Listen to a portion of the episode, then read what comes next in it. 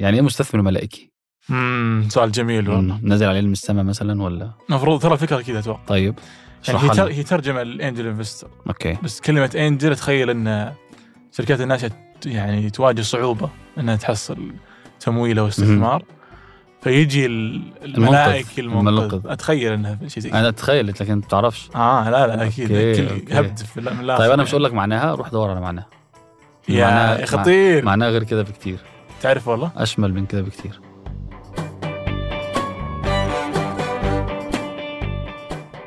ده بودكاست الفجر من ثمانية. بودكاست فجر كل يوم نسرد لكم فيه سياق الأخبار لتمكم معكم أنا شهاب سمير. وأنا عبد الملك السي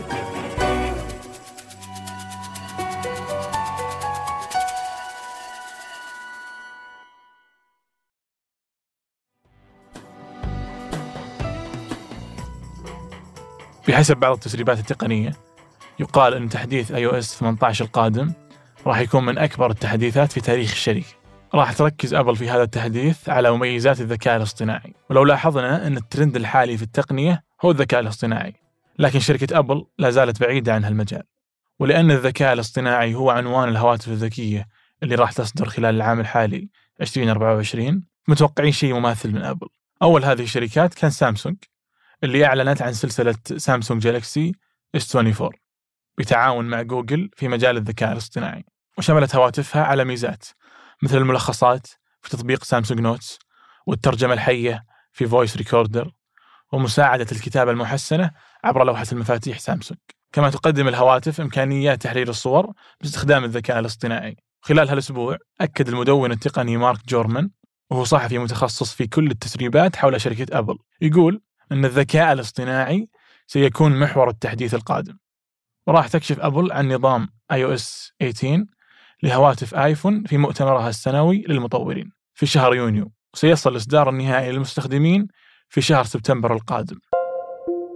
خلونا نتكلم عن أبرز التوقعات اللي هنشوفها في التحديث اللي جاي. فأبرز تغيير جاي هو التصميم. يمكن إحنا ما شفناش أي تغيير في التصميم من وقت طويل. لكن بيتقال إن التغيير في التصميم الجديد الهدف منه عشان يتكامل مع نظام vision OS اللي بيشتغل على نظارة أبل الجديدة. وكمان في من التحديثات هتكون في ميزة جديدة اسمها RCS هيتم دمجها مع تطبيق الرسائل في آيفون.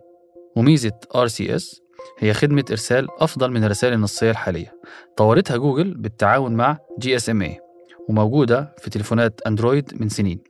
هي تقريبا زي طريقة عمل iMessage في أجهزة آيفون. التحديث الجديد يعني إن ملاك أندرويد وآيفون هيتواصلوا مع بعض بالرسائل ويتبادلوا الملفات والصور والفيديوهات زيه زي أي تطبيق دردشة. كمان هيكون هناك دمج للذكاء الاصطناعي مع نظام سيري. متوقع أيضا إن أبل هتسمح إنك تنزل التطبيقات على الآيفون من خارج ال App Store. طبعا ده ممكن ينزل في تحديث فرعي للمستخدمين في أوروبا بس لأنه مرتبط بقوانين الاتحاد الأوروبي الجديدة في مجال التقنية. وأهم المميزات المنتظرة هي إن نظام التشغيل الجديد هيعتمد على الذكاء الاصطناعي التوليدي. وزي ما قامت شركة مايكروسوفت بتحسين برامج ال Office الخاصة بيها باستخدام الذكاء الاصطناعي وبالتحديد في البرنامج الشهير Excel من المنتظر برضو إن أبل تدمج الذكاء الاصطناعي في تطبيقات الإنتاجية iWork وفي مجال الموسيقى منتظرين تحديثات على تطبيق موسيقى أبل ودمجه بالذكاء الاصطناعي زي ما شفنا تعاون ما بين تطبيق الموسيقى سبوتيفاي وشركة OpenAI. كل الأخبار دي هي لازالت تسريبات غير مؤكدة لكنها ناتجة عن تحليلات تقنية بناء على المنتجات المعلنة في السوق. أي متابع للتقنية بيلاحظ أن أبل غائبة تماما عن التنافس في مجال الذكاء الاصطناعي. لكن في الحقيقة هي ليست غائبة تماما. كمثال الأجهزة الجديدة مثل آيفون 15 Pro و Pro Max يدعمون تشغيل ميزات مثل الكتابة التنبؤية وهي عملية تتطلب الذكاء الاصطناعي. وهذا يعني أن أبل في الطريق لدعم أجهزتها بالذكاء الاصطناعي في التحديثات القادمة. ويبقى رهان أبل على التحديث القادم لأسباب كثيرة. منها إعادة مركزها في الصين. ولأن مبيعاتها هناك تراجعت قليلا.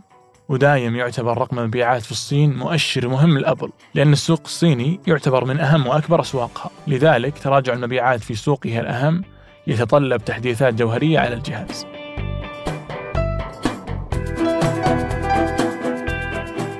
وقبل ما ننهي الحلقة دي توصيات لنهاية الأسبوع.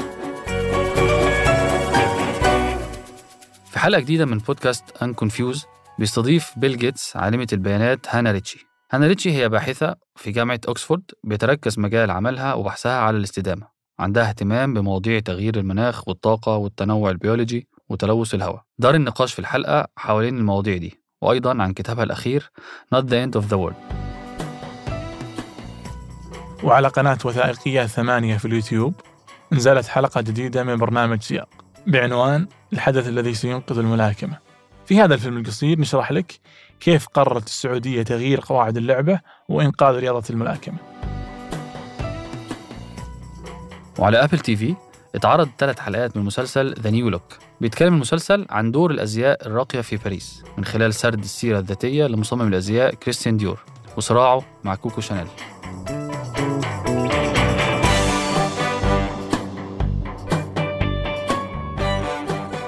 أنتج هذه الحلقة سفر عياد وقدمتها أنا عبد الملك آل السعيد وأنا شهاب سمير. وحررها تيسير قباني. نهاية أسبوع سعيدة ونشوفكم فجر الأحد.